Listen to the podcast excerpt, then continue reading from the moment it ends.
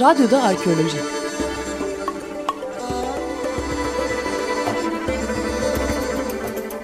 Bir arkeoloji programı.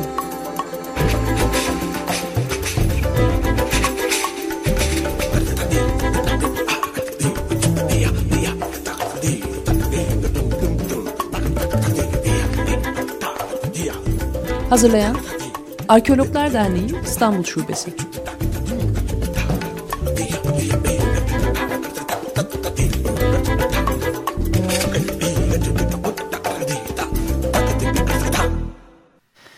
Merhaba sevgili dinleyiciler, ee, ben Yiğit Ozar.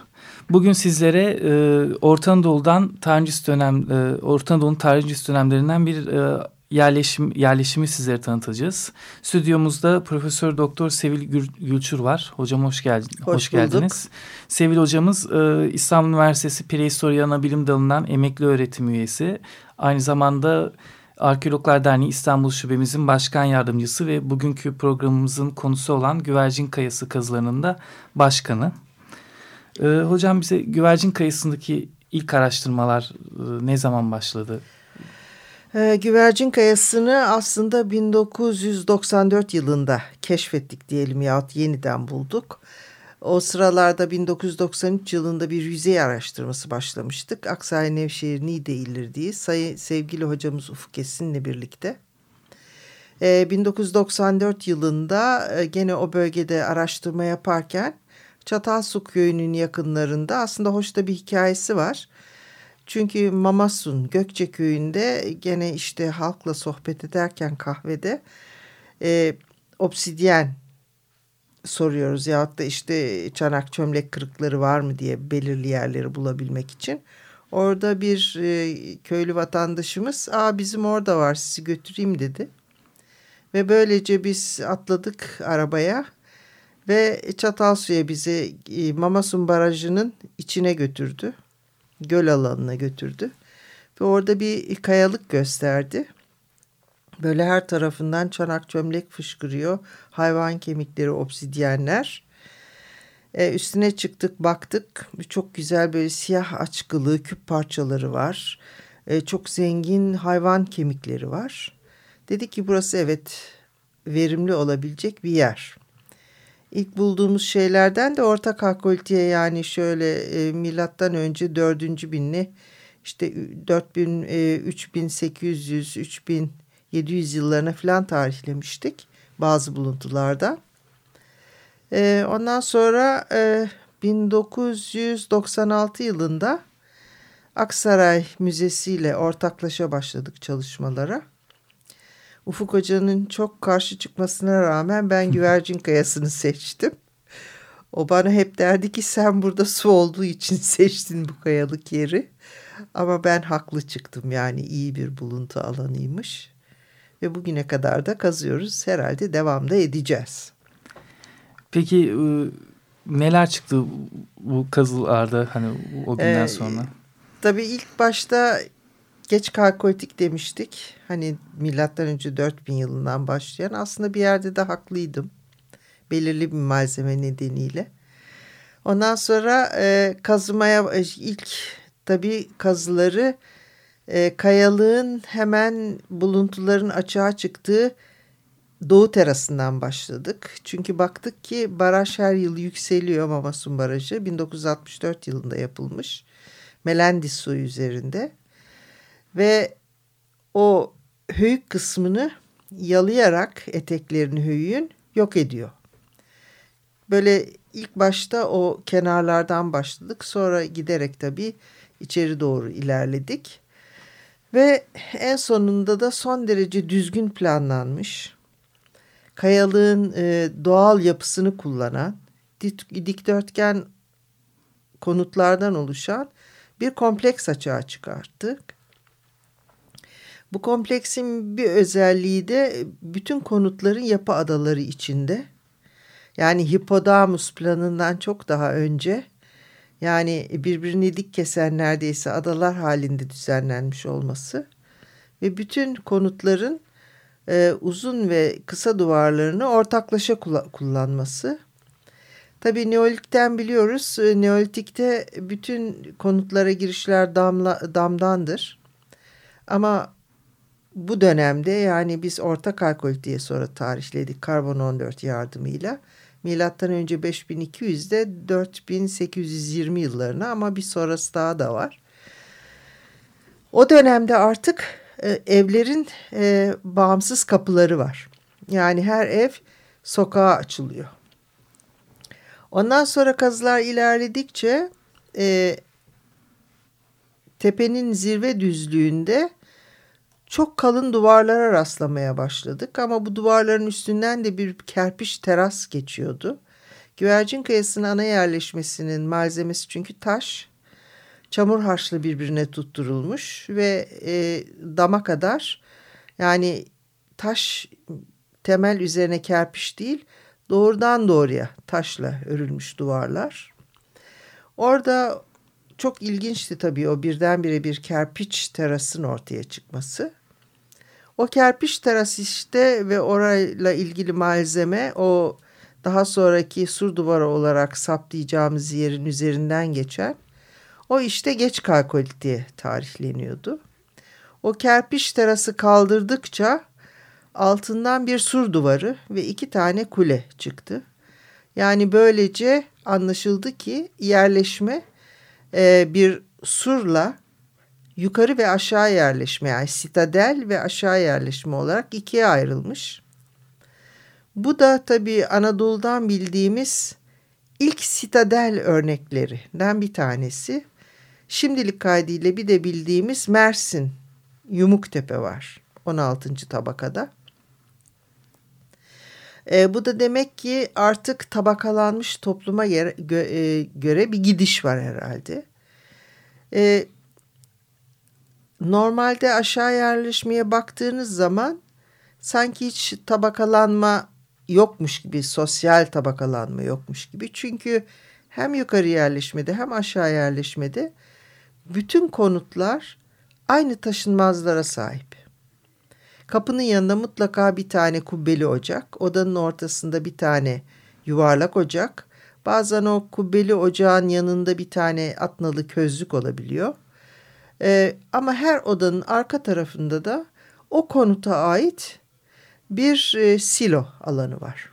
Ve bu bir duvarla ana odadan ayrılmış. Bir de kapıyla tabii. Ve orada tabii günlük yaşama ait neleri depolamışlarsa bugüne kadar ulaşabilen her şeyi bulabiliyoruz.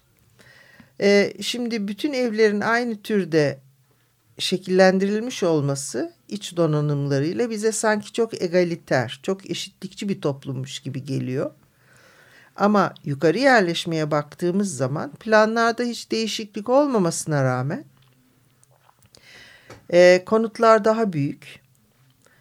O kiler odaları yani depolama alanları hemen surun arkasında yani suru kullanıyor, sur duvarını kullanıyor.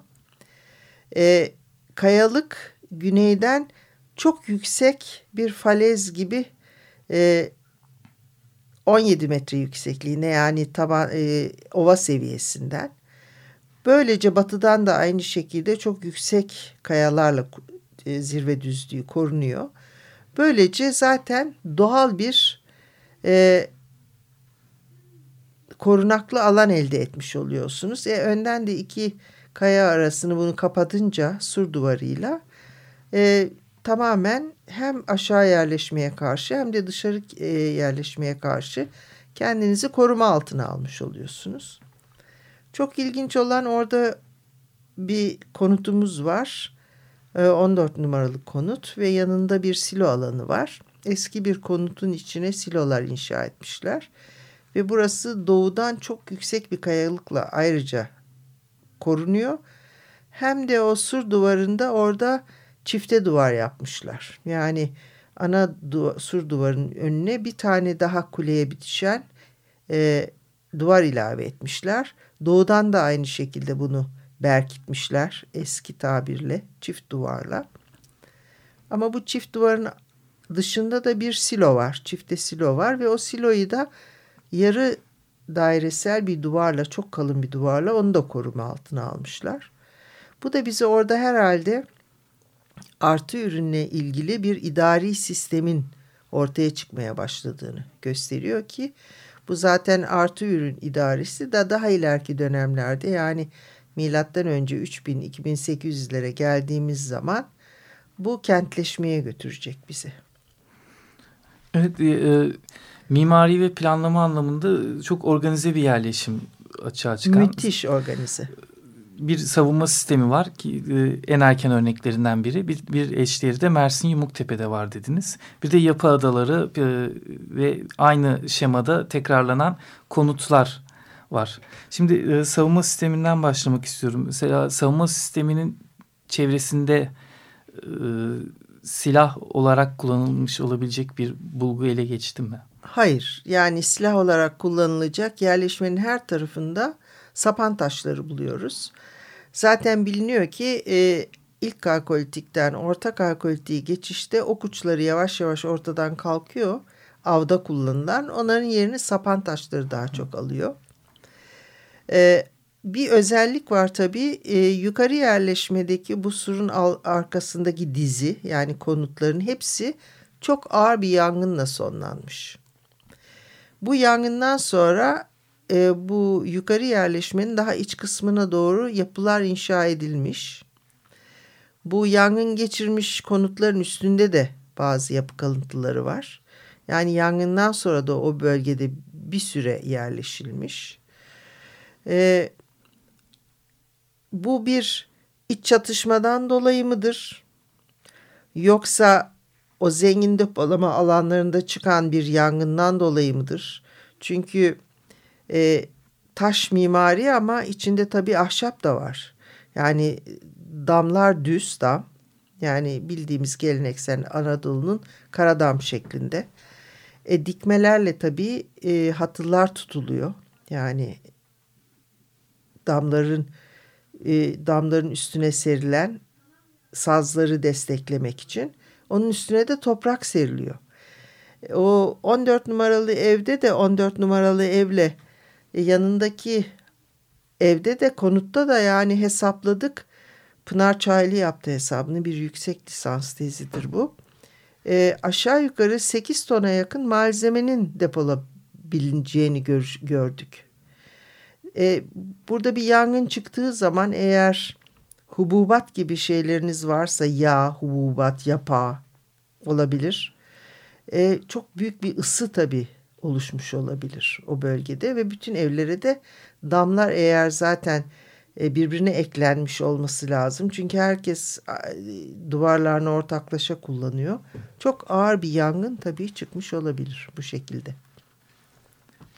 Peki konut alanında aynı plan şemasının kullanılmış olması yani yapı adaları var e, tamam e, ama konutların içinde de ocaklar, sekiler hepsi aynı yerlerde tekrarlanıyor herhalde. Evet mutlaka hepsi aynı yerlerde tekrarlanıyor ama bunun başka örnekleri de var. Mesela ak topraklığa bakarsanız ki Hı -hı. bazı tabakaları bizden de biraz daha eski. Mesela onlar da radyal şekilde yani radyal demeyeyim de yuvarlak şekilde dairesel şekilde düzenleniyorlar. Ee, Anadolu'da şeye de bakarsanız bu kent gelişimine de bakarsanız mesela Demirci Höyü'ye gibi Tunç Çağı'na ait. Orada da hep o bu sitadel diyebileceğimiz kısımda hep böyle bir dairesel dönüş vardır. Ve oradaki binalar da tabii birbirine benzer hep. Aynı şekilde yapılmıştır. İş donanımları da ayrıdır. Aynıdır.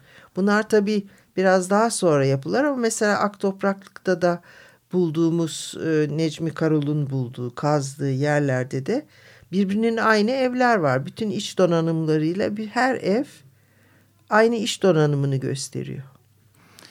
Peki bu e, belli plan şemasının tekrarlanıyor olması, savunma sistemi, silolar dolayısıyla artı değer artık e, biraz önce de söylediğiniz gibi köyden kente doğru evrilen yerleşim Daha birimlerinin... çok e, köyden kente ama bu bir herhalde şema, model.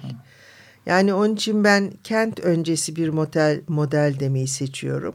Anadolu'nun herhalde kendine tarz bir modeli var. O modelde demek ki orta kalkolitik dönemde hem Mersin'de görüyoruz bunu hem e, Güvercin Kayası'nda görüyoruz. Şekillenmeye başlıyor. Ve ilerideki kentler kurulduğu zaman da bu model sanki devam ediyormuş gibi. Hiç unutmuyorum yakınlarda maalesef kaybettiğimiz Werner Schnuchel vardır. Bohum e, pardon e, Karlsruhe'deki mimarlık tarihi kürsüsünden ilk defa Profesör Schirmer'le Güvercin Kayası'na geldiklerinde bana ilk söyledikleri şey A İstanbul dediler. Yani tarih öncesi bir yerleşmeyle İstanbul'u tabii karşılaştırmak aslında benim haddime düşmüş değil ama bunu hakikaten şehirciliği iyi bilen, özellikle de arkeolojide birçok büyük merkezde çalışmış olan kişiler söylediler. Çünkü mantık aynı. Hangi açıdan? E çünkü bir sitadeliniz var. Hı hı. Bir yarımada üzerine kuruluyorsunuz. Bir sitadeliniz var. İki tarafınızdan su akıyor. Melendis çünkü yalıyor orayı. Yani ille de suyun olması da şart değil ama yönetici grup kendini mutlaka halk tabakasından soyutluyor. Yani kendine has bir bölgesi var. Surun asıl fonksiyonu. Surun asıl fonksiyonu bu. Yani sadece dışarı e, karşı kendi ama aynı zamanda da e, bir kuraklık anında, bir yokluk anında oradaki halkı besleyecek kadar da bir süre götürecek kadar da elinde bir depolama imkanının olması lazım. Bunun en güzelini şeyde gördük, Boğazköy'de gördük aslında. Hititlerin başkenti Hatuşa'da. Yürgen Zeyer orada kazı yaparken çok akıllıca davrandı ve oradaki büyük silo alanlarını kazdı. Ve o zaman ortaya çıktı ki tamam administratif bir idari merkez ama elinde bir gücün olması lazım. O sadece yani elinizdeki mühürle yetinmiyorsunuz.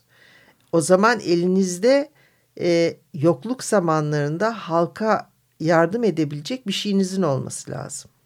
E bu da tabii yiyecek ve içecek. Evet. Ee, peki kerpiç mimari?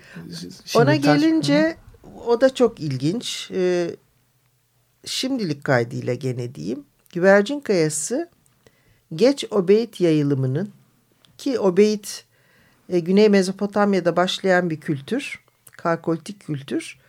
O yavaş yavaş milattan önce 5500 yıllarında ortaya çıkar ve ondan sonra da kuzeye doğru yayılmaya başlar. Yani Anadolu'ya doğru yayılır. Anadolu'ya doğru yayılır ve bunun en güzel örneklerden bir tanesi de Malatya yakınlarındaki gene sayın hocamız müteveffa Ufuk Esin'in kazdığı Değirmen Tepe'dir. Anadolu tarzı bir yerleşmedir. Ama e, üç kanatlı dediğimiz bir sistem var. Bu Güney Mezopotamya'da gelişir. Yani bizim karnıyarık evlerimiz gibi ortada bir avlu ve o avlu yahut da üstü kapalı bir mekan ve onun etrafına düzenlenmiş e, odalardan olur. Bu nedenle de biz ona üç kanatlı sistem diyoruz. O sistemle birlikte yukarı çıkıyor ve o sistem o her gittiği yerde o beydin birdenbire belirmeye başlıyor. Yani kendi kültürünün bir kısmını da tabii götürüyor. Ve tabii en önemlisi e, çanak çömlek. O tarz çanak çömlek bir boyalı tarz çanak çömlektir çünkü. Onunla birlikte aynı zamanda damga mühürler, mühür baskıları. Yani çıkışların amacı da herhalde hem ham maddelere ulaşmak hem ticaret yapmak hem belki ve daha verimli tarım topraklarına ulaşmak. Güvercin Kayası'nda da böyle bir yapılanma var. O kerpiç terastan sonra biz aşağı yerleşmede de üç kanatlı bir yapı bulduk. Ve şimdiye kadar da yedi tane damga mühürümüz var. Geç o beyt. Üç tane mühür baskımız var ki bu çok önemli. Bir de tabii yoğun sayıda çanak çömlek var ki bu çanak çömlekler bizim güvercin kayasından alıştığımız o siyah açıklı depolama kapları gibi kaplar değil.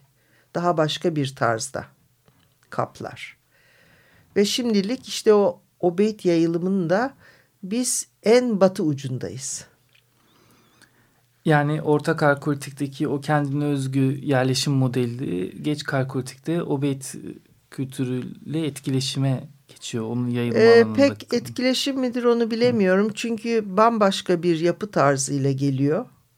Ve güvercin kayasının da eski kalıntıların üzerine oturuyor. Hı. Muhtemelen bir arada yaşadılar. Ama bu herhalde güvercin kayasının sonlanmasına yakın bir dönemdeydi. Peki hocam e, sizin kazı alanınızdan e, işte biraz, biraz önce de vurguladınız hem mimarlık tarihi hem planlama açısından önemli bulgular geliyor.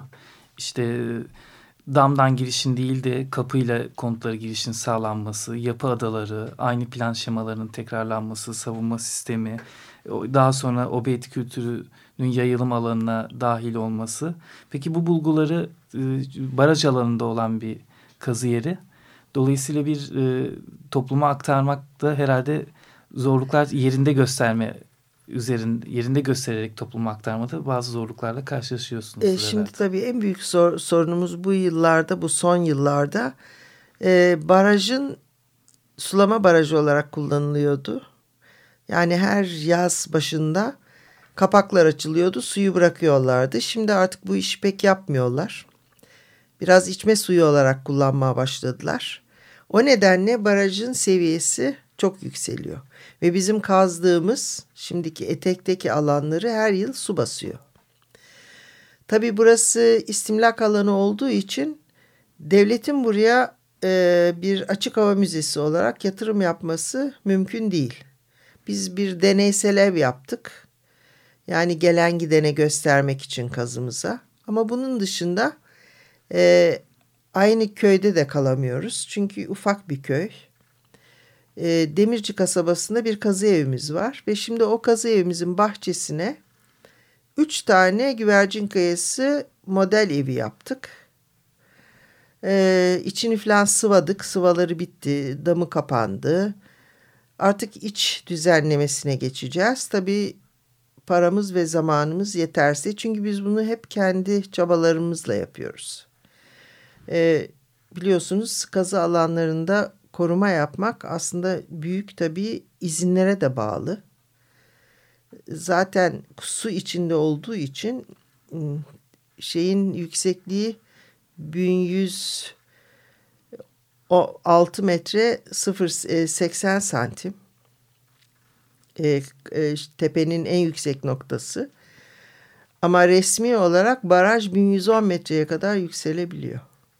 Yani tümüyle suyun altında da kalabilir. Peki kazılar sonuçta baraj yapıldıktan sonra başlamış ama e, başladıktan sonra da ortaya çıkanlar yani önemli bulgular elbette ortada.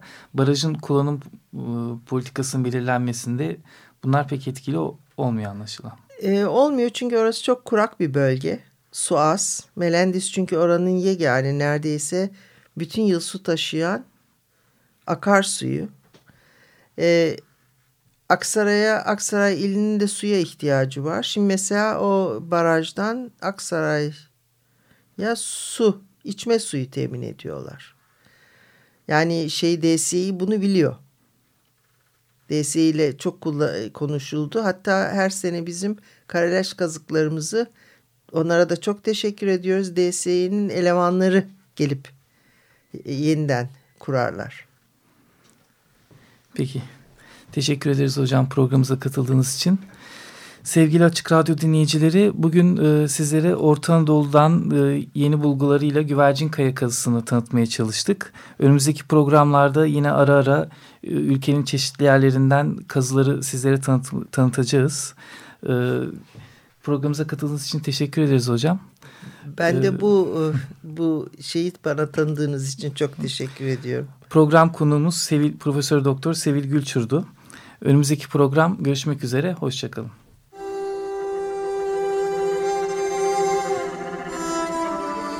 Radyoda Arkeoloji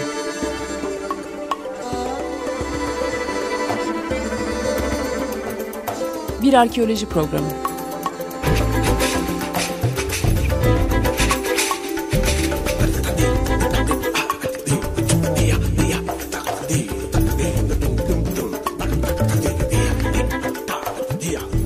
Hazırlayan Arkeologlar Derneği İstanbul Şubesi.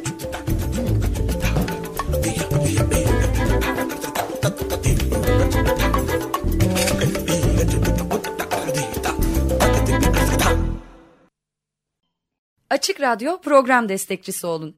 Bir veya daha fazla programa destek olmak için 212 alan koduyla 343 41 41